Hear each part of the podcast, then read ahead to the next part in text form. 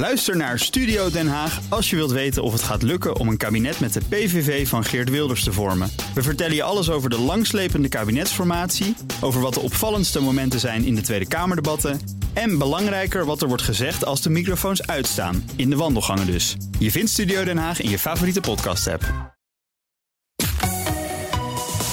BNR Nieuwsradio. Boekenstein en de Wijk. Hugo Reitsma. The dollar has lost 99% of its value. Oplichterij. Een bubbel. En iedereen raakt zijn geld kwijt. Bitcoin is finite and cannot be inflated. Of de nieuwe dollar. I should buy some. Nee, het nieuwe goud. You heard it here first. Bitcoin is going to De soms bizarre wereld van bitcoin en crypto krijgt interesse van centrale banken. Maar ook types als Poetin en Boekenstein. En dan moeten we ons misschien allemaal zorgen gaan maken. Welkom bij Boekenstein en de Wijk. Op zoek naar de nieuwe wereldorde. Met namens de oude Arend-Jan Boekenstein en Rob de Wijk. En de economische orde is vandaag vertegenwoordigd door niemand minder dan BNR-economiecommentator Han de Jong. Dag Han. Hallo, goedenavond.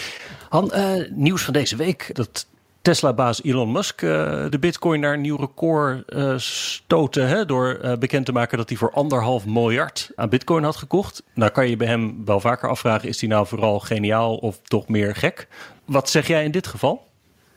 Oeh, ik zeg gek hoor. Gek gek en, en, en niet te vertrouwen, totaal doortrapt. Want hij bouwt natuurlijk eerst een positie op. En vervolgens gaat hij roepen dat hij dat gedaan heeft of nog gaat doen. En dan hoopt hij dat er nog een hoop mensen achter hem aankomen. En dan die koers nog verder omhoog duwen. Ja, wat gaat hij dan doen? Gaat hij de boel verkopen? Nou, dat, dat, dat zullen we zien. Maar in ieder geval heeft hij dan natuurlijk wel een soort boekwinst. Ja, maar je kan het ook heel ontzettend eh, snel verliezen bij eh, Bitcoin, heb ik gezien. Dat, dat is zeker mogelijk, ja. Ja. Maar dan is dus de vraag van, is, is bitcoin dan meer dan een speculatief eh, instrument? Of is het ook geld? Nou, weet je, eh, oké, ik, ben, ik ben traditioneel economisch geschoold en dat is misschien in deze een nadeel. Maar het is zeker geen geld, want hè, economen houden voor geld een, een definitie aan. Hè. Wat is geld? Nou, geld dat is een, eh, dat is een algemeen aanvaard ruilmiddel. Eh, dat is een rekeneenheid en dat is een goed oppotmiddel. Maar de, de bitcoin die schommelt zo enorm in waarde. Dat, hij dus zeker niet geschikt is als, eh, als ruilmiddel en ook niet als rekeneenheid. Ehm, en eigenlijk ook niet als oppotmiddel. Daar komt ook nog bij dat het eigenlijk ontzettend inefficiënt is, de, de bitcoin. Hij is heel erg energie-intensief. Ehm, dus ja, geld is het niet. Het, het, is, het, is, een, eh, het is een wat wonderlijke eh, speculatieve vermogenstitel of, of asset. ehm, die ook nog eens, naar mijn idee, eigenlijk geen, geen echte inherente waarde heeft. Ja, om je de waarheid te zeggen, begrijp ik er heel weinig van. Maar weet je wat echt leuk is? Namelijk, dat zei je net eigenlijk eh, al even tussen neus en lippen door. Dat Tesla is het meest groene werken, merk ter wereld, althans dat vinden ze. Ga je dus in bitcoin zitten. Volgens mij kost zo'n eh, transactie, als je die blockchain eh, aan de gang eh, zet, kost dat iets van 200 kilowattuur. Nou, het schijnt dat je daar dus 20 keer, eh, 200 keer je wasmachine op kan laten draaien. Dus hoezo groene, een, een groene Tesla? Ja, Dat is ja. wel heel erg opmerkelijk hoor. En ik zie dus nu al eh, types voorbij kopen, komen, zoals eh, Rubini, die econoom. Die zegt, nou ja, je kunt veel betere CO2-belasting gaan heffen op, op bitcoins. Arend-Jan, waar komt jouw interesse in die, die bitcoin en crypto eh, problematiek vandaan? Ik bedoel, ik ken Nou ja. niet van de, van de beleggingen. Nou kijk, weet je, ik volg het een tijdje. Ik weet er niet veel van hoor. En het is, valt me wel op dat in vergelijking met eh, drie jaar geleden... dat het veel serieuzer wordt genomen. Dat het enorm is toegenomen. Dat een aantal centrale banken ook eh, eigenlijk al introduceren... of dat overweegt introduceren om het zelf ook te gaan doen.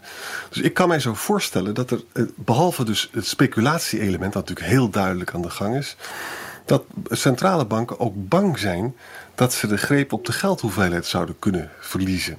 Is dat een zinnige gedachte, Han? Ja, weet je, ik denk dat, dat de crypto's daar nog veel en veel te klein voor zijn. Maar je hebt natuurlijk wel gelijk. Die centrale banken die zitten er. Kijk, die hebben het eerst hebben ze eigenlijk gezegd van nou, dit is allemaal onzin. En wat ik dat is ook zeg. Vervolgens zie je dat ze toch wel eh, bewegen. En, en dat ze dus bezig zijn met wat ze dan noemen central bank digital currencies. Ja. Ehm, en ik denk inderdaad wel dat ze, ze, eh, dat is gedeeltelijk is dat een defensieve move. Ehm, ik, ik weet niet of ze nou bang zijn dat ze de controle over de geldhoeveelheid verliezen. Maar, maar ik denk wel dat ze bang zijn dat ze het zicht en de controle over allerlei geldstromen verliezen. Ehm, en het is natuurlijk ook niet helemaal toevallig dat, eh, nou, wa- wat je hoort, hè, ik, ik lees ook maar dingen, dus ik weet het allemaal niet precies, maar hè, dat je hoort dat Noord-Korea eh, er, er, ermee bezig is met, met, dus met de bitcoin. China Ja. zelf heeft natuurlijk de bitcoin binnenlands verboden. Maar de centrale bank in China, die heeft wel een eigen digitale munt, eh, waar ze op, op, op pilotbasis mee aan het experimenteren zijn. Dus die centrale banken die zitten, er wel, ja, die zitten er wel interessant in eigenlijk. En Nou. Deze hele discussie raakt ook, dat is ook mijn vraag aan Rob. Deze discussie raakt dus ook de reservevaluta. Hè? Ik lees hier een artikel dus dat Amerika en de Europese Unie die zijn dus bang dat op termijn de cryptocurrency, dus die, de, de traditionele betalingsinfrastructuur zouden ja, kunnen. Arie En ook de dollar en de euro zouden kunnen overnemen. Ja, dat, dat geldt dus wel voor wat, net Han, eh, wat Han net zei, eh, die overheidsdigitale munten. Maar eh, Bitcoin is een gede- eh, gedecentraliseerde digitale Ja. munt. Dat is echt iets anders dan Ja, overheidsdigitale en we praten munt. dus over digitale eh, eh, centrale bankmunt. Hè? Ja, een overheidsmunt zeg maar. Ja. Om het maar eens even simpel te zeggen. Ja, die worden trouwens eh, door nogal wat foute landen ook gewoon ontwikkeld. Ja. Rusland is ermee bezig, Wit-Rusland is ermee bezig. Inderdaad, Noord-Korea schijnt eh, een beetje ermee te experimenteren. Ehm, en ik denk dat dat wel een punt is waar je verschrikkelijk voor moet uitkijken. Want dat betekent dat je daarmee ook om de dollartransacties kunt gaan werken. En Ja. als je. En, en dat is een antwoord op jouw vraag. Kijk, wat je wil op dit ogenblik als land, is dat je dus niet iedere keer door eh, Amerika met sancties kan worden bedreigd. Nou, wat zijn sancties? Sancties zijn eigenlijk niet meer Exact. eh, dan het ontzeggen van een land of van een bedrijf of van een, eh, een individu eh, de toegang tot het Amerikaanse financiële systeem. Hè, dus eh, pak weg, wat is het, eh, Han, jij weet dat beter waarschijnlijk. Volgens mij is het 88,3 procent eh, van alle grote internationale transacties zijn dollartransacties. Dus als je, als je dat niet meer kon doen, dan heb je dus als bank een probleem, als individu een probleem eh, of als land een probleem. Dus je probeert er omheen te werken. Daar zijn mechanismen voor. Dat heeft de Europese Unie gedaan, dat heet Instex. Eh, en dit is een directe reactie op eh, de grote aanval die Trump continu heeft gedaan op al die landen. Omdat hij eh, vond dat die landen allemaal naar rechts moesten richten. Dus er kwamen allemaal sancties. Dus ook de Europese Unie probeert er omheen eh, te werken. Eh, de Russen proberen er omheen te werken. De Chinezen en eigenlijk alle landen die door sancties worden getroffen, inclusief de Unie. eh, die proberen er omheen te werken. En die hebben een buitengewoon groot, eh, grote belangstelling voor digitale munten. Ja, en dat gaat dus over die reservevaluta ook. Hè? Over die Nou discussie. ja, wij- maar Han, dat is ook nog wel een interessant punt. Hè? Een reservevaluta die gaat pakweg 80 tot 110 jaar mee. Zoiets is het. Hè? Dat is precies ook de levenscyclus eh, van supermachten. Dus eh, nou ja, Amerika 8 die is nu wel eens aan de beurt om eh, onderuit te gaan. Die- Vanaf begin Tweede Wereldoorlog, jaren 30 is Amerika nummer 1 in de wereld. Vanaf de jaren 20 is de dollar nummer 1 in de wereld. Dus het wordt wel weer tijd, historisch gezien, dat dat land onderuit gaat. En dat die reservemunt, de dollar, dat die eigenlijk zijn kracht verliest. Zie jij dat nu gebeuren op dit ogenblik met betrekking tot die dollar? Ja, ik denk. Ja, weet jullie bespreken natuurlijk eigenlijk wekelijks dit soort geopolitieke eh, strijd. Hè, strijd om mondiaal leiderschap, ehm, eh, militair, politiek, technologisch, economisch. En, en de valuta is daar natuurlijk een belangrijk, eh, belangrijk factor eh, in. Ehm, ja, als ik dan toch nog eventjes terugga naar, naar, mijn, naar mijn opvoeding als traditioneel geschoold econoom. Een reservevaluta, waar moet die aan voldoen? Wa- Wanneer kom je nou in aanmerking voor reservevaluta? Nou, je moet natuurlijk een groot land zijn, want er moeten voldoende eenheden van jouw munt zijn in de wereld om, laat ik zeggen, de internationale handel te faciliteren. Luxemburg kan nooit een reservevaluta hebben, want de, de thuiseconomie is veel te klein. Ehm, dan moet jouw munt moet ook stabiel zijn. Dat wil zeggen, er moet eigenlijk een, eh, een regime zijn van, van een relatief lage inflatie. Eh, er moeten ook veel veilige assets worden geproduceerd in jouw land. Eh, nou, wat, wat zijn veilige assets? Nou, in, in dit geval van de dollar zijn dat dus Amerikaanse staatsleningen. Nou, misschien kun je zeggen, daar hebben we nu wel genoeg van. Eh, maar dat wordt wel beschouwd als heel veilige assets. Eh, en wat ook nodig is, is geloofwaardigheid van je economisch en je juridische systeem. En vrij kapitaalverkeer. Dat heeft de VS allemaal. Het feit dat hun munt de, de reservevaluta in de wereld is, hè, dat, dat, heeft, dat geeft een bepaald voordeel. Ehm, het is natuurlijk evident dat de Chinezen de ambitie hebben dat hun munt dat moet worden. En dat gaat ongetwijfeld ook gebeuren. De Amerikanen sputteren nu, nu natuurlijk tegen. Ehm, maar de, weet je, China is nog niet zo ver. Hè? Al, die, al die voorwaarden zeg maar, die ik net opzomde, waaraan je moet voldoen om je munt een reservevaluta te laten zijn, ja, daar voldoet China nog niet aan. Maar, maar dat gaat wel gebeuren. En ja, wat je dus ziet, eh, ja, is, is, is, is dit soort strijd. En uiteindelijk, uiteindelijk denk ik dat. Uh, Amerika het onderspit zal moeten delven. Of dat, of dat nog tijdens mijn leven gaat gebeuren, weet ik niet. Maar, maar dat gaat wel gebeuren, dunkt mij. Het onderspit ten opzichte van de renminbi of van een digitale munt? Nou, ik denk ten opzichte van de renminbi. Kijk, weet je, die, die digitale munten die door de centrale banken worden uitgegeven. Hè, Rob die zei daar net iets over wat naar mijn idee cruciaal is. Hè, dat, is dat is gecentraliseerd. Daar heeft de centrale bank heeft daar grip op. Um, en de aantrekkelijkheid voor de Chinese autoriteit om een digitale munt te hebben, is eigenlijk dat ze, dat ze dan alles nog beter, hè, binnenlands alles nog beter in ja. grip hebben.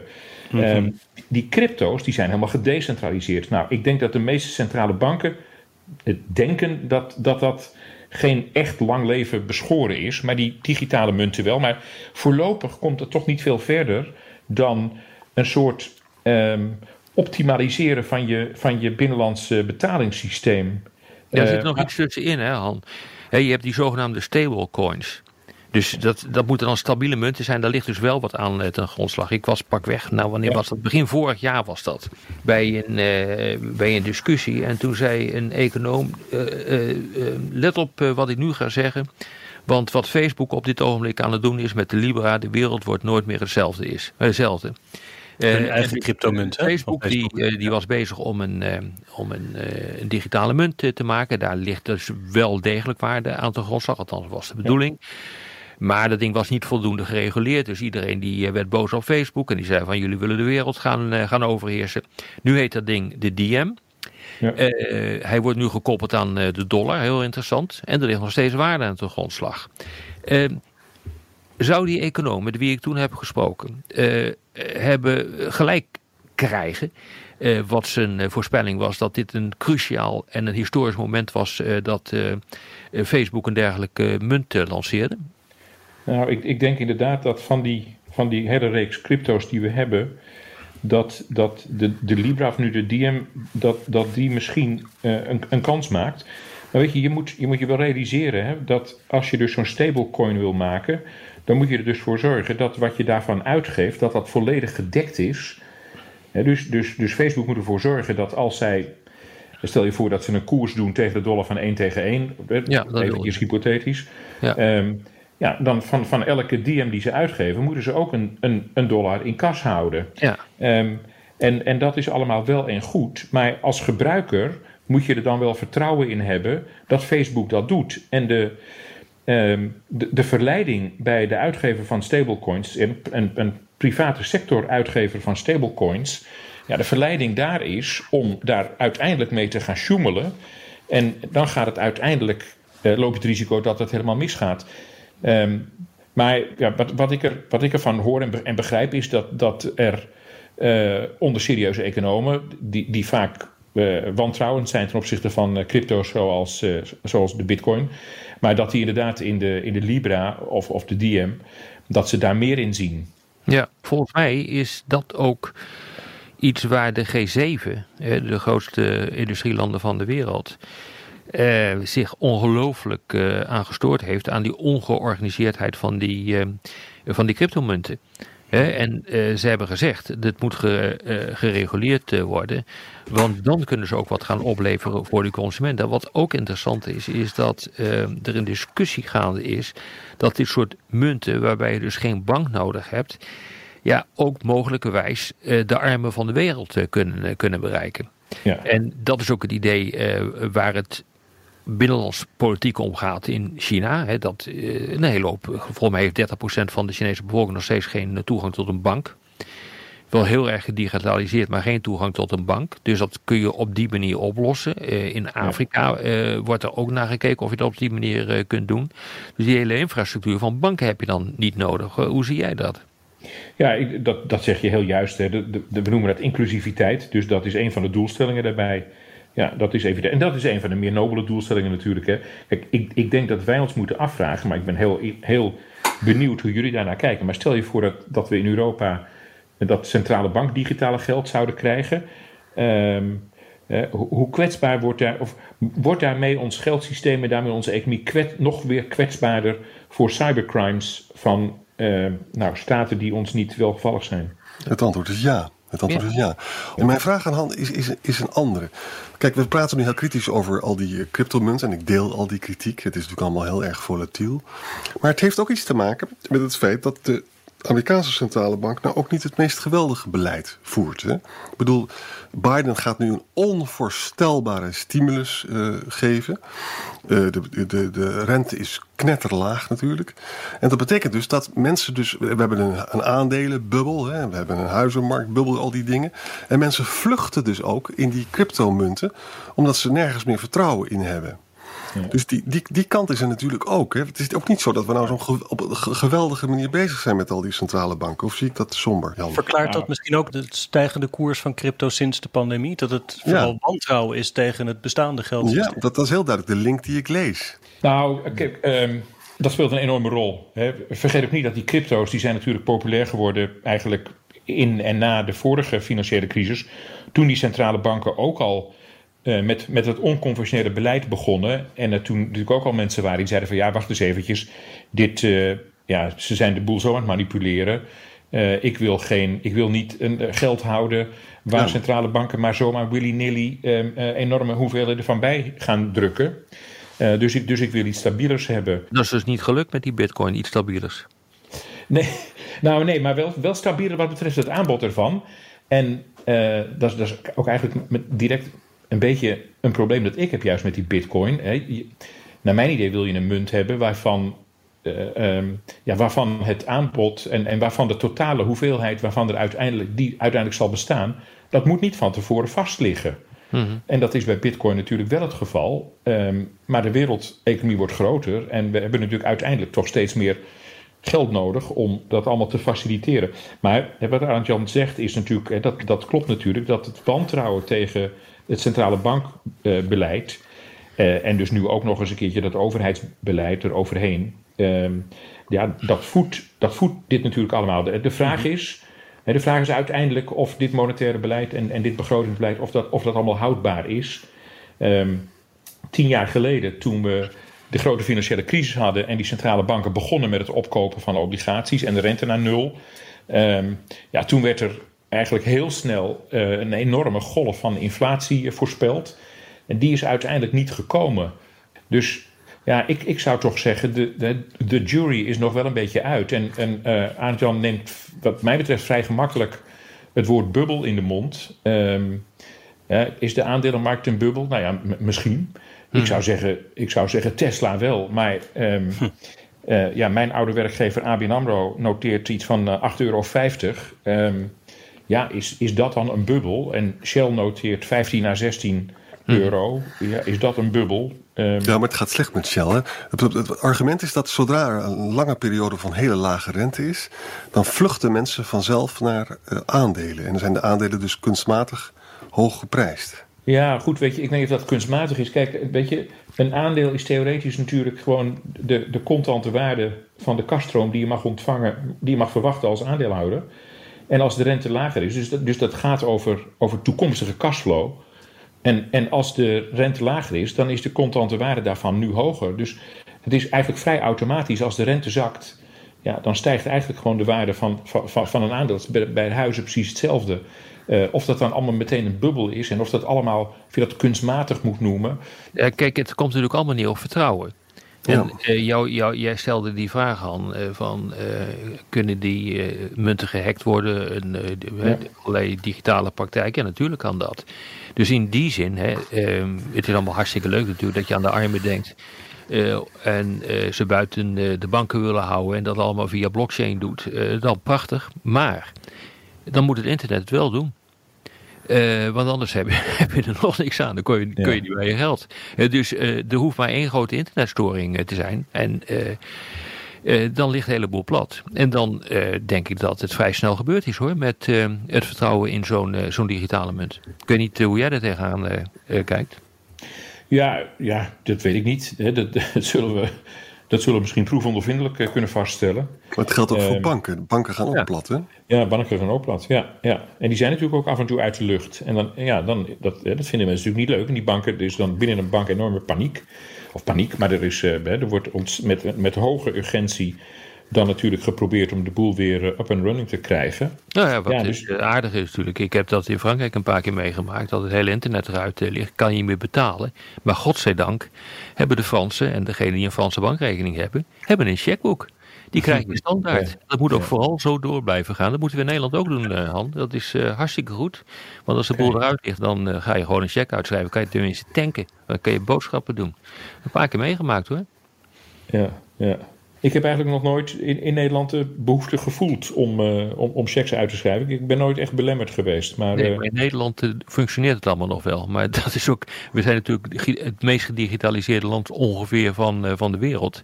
En het meest stabiele land op, dit, op dit gebied van, van de wereld. Heeft Ja. onder andere te maken met de stabiliteit van het elektriciteitsnet. Dat we hier hebben. En dat, nou, dat, er zijn wel landen waar dat minder gaat. Eh, Het enigszins instabiel eh, systeem kunnen we nog wel stellen. Maar om het politiek nog tot een conclusie te komen, moeten we dan vooral zien dat het crypto mogelijk slecht is voor de VS en goed voor de vijanden van de VS? China, Iran?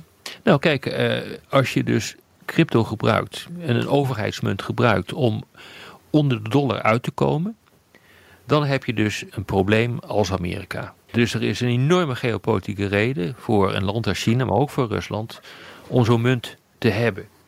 Nou, als die eh, Chinese munt opkomt en ze maken er een geweldige digitale munt naast of in plaats van, dan is een grote verliezer de euro. En eh, om die reden wordt er ook eh, gezegd: de euro moet mee in dit spel. Doe je dat niet, dan word je uiteindelijk buiten, eh eh, buitenspel gezet. Han, zou jij zeggen dat Europa mee moet in die crypto-strijd?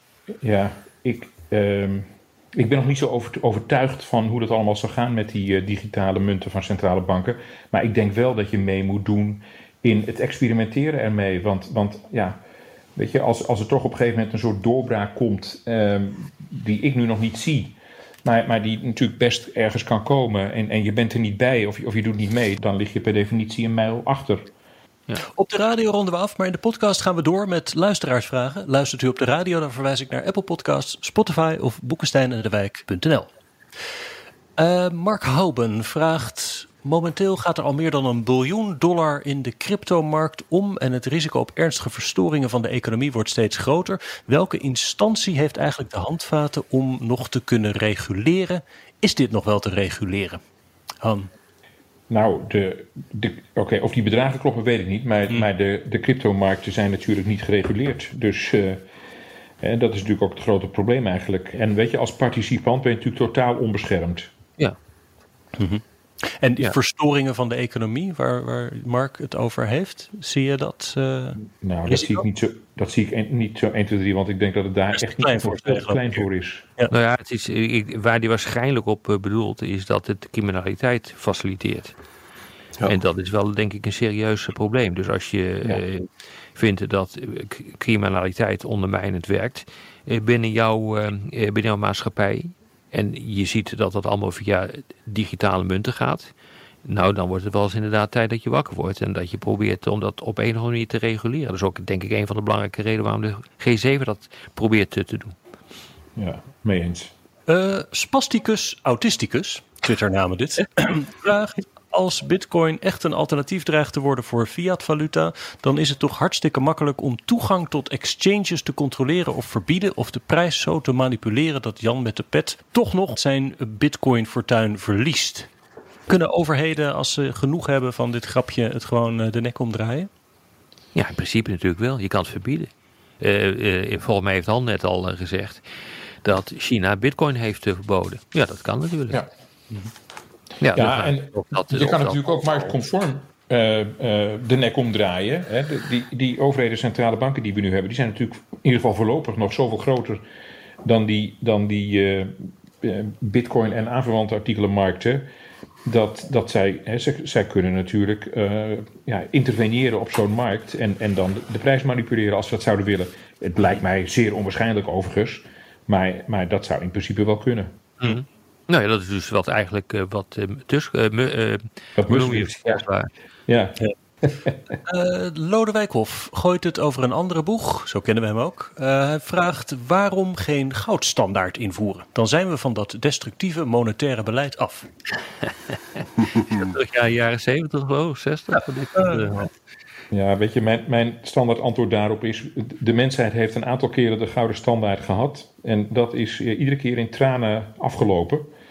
Um, uh, uiteindelijk leidt dat tot, tot, tot, tot depressies, om, omdat, uh, omdat het aanbod van goud vast ligt. En de, de wereldeconomie heeft op een gegeven moment meer nodig dan, dan die gouden standaard kan bieden.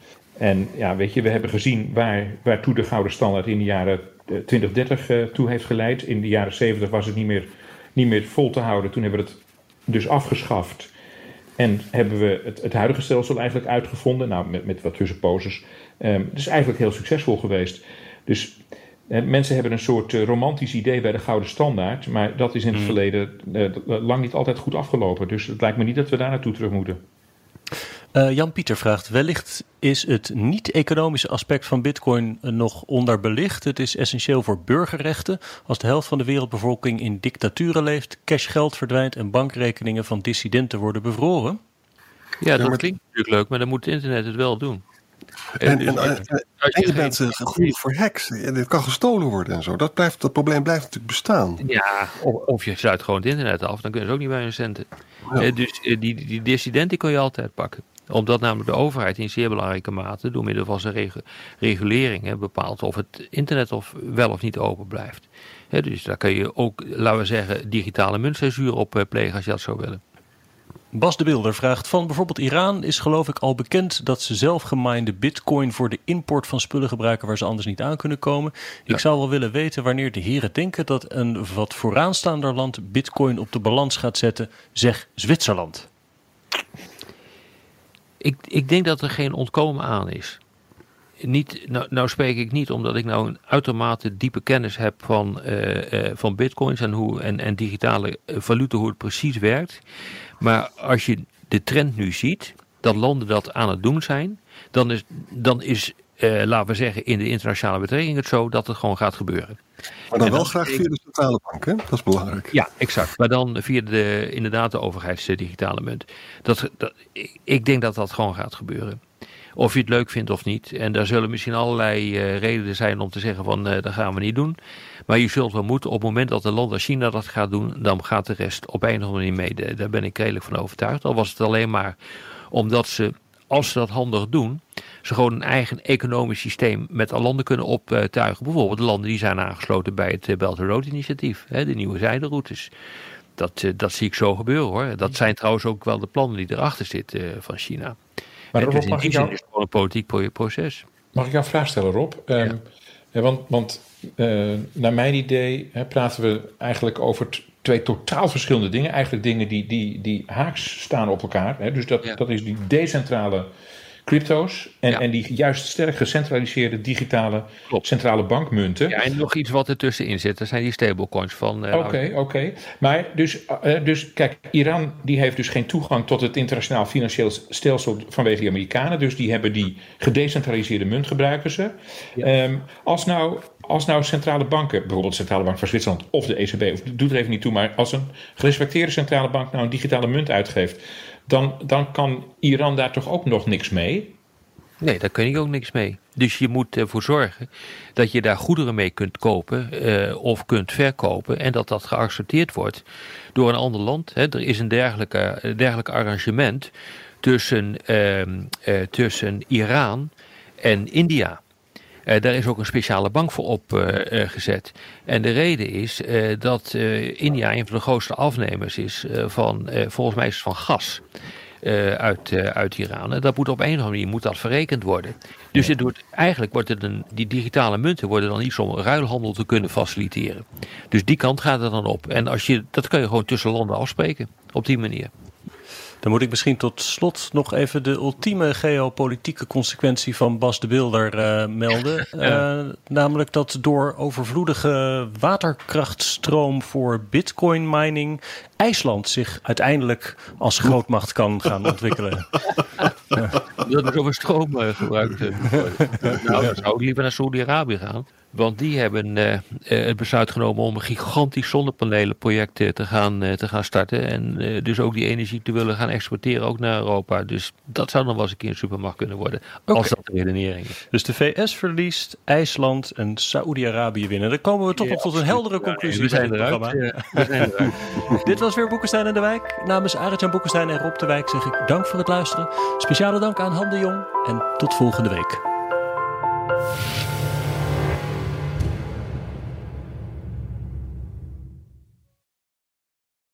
Ook Harm Edens vind je in de BNR-app. Je kunt BNR Duurzaam niet alleen live luisteren in de app, maar ook terugluisteren als podcast, zoals al onze podcasts. En naast dat de BNR-app Breaking News meldt, houden we je ook op de hoogte van het laatste zakelijke nieuws. Download nu de gratis BNR-app en blijf scherp.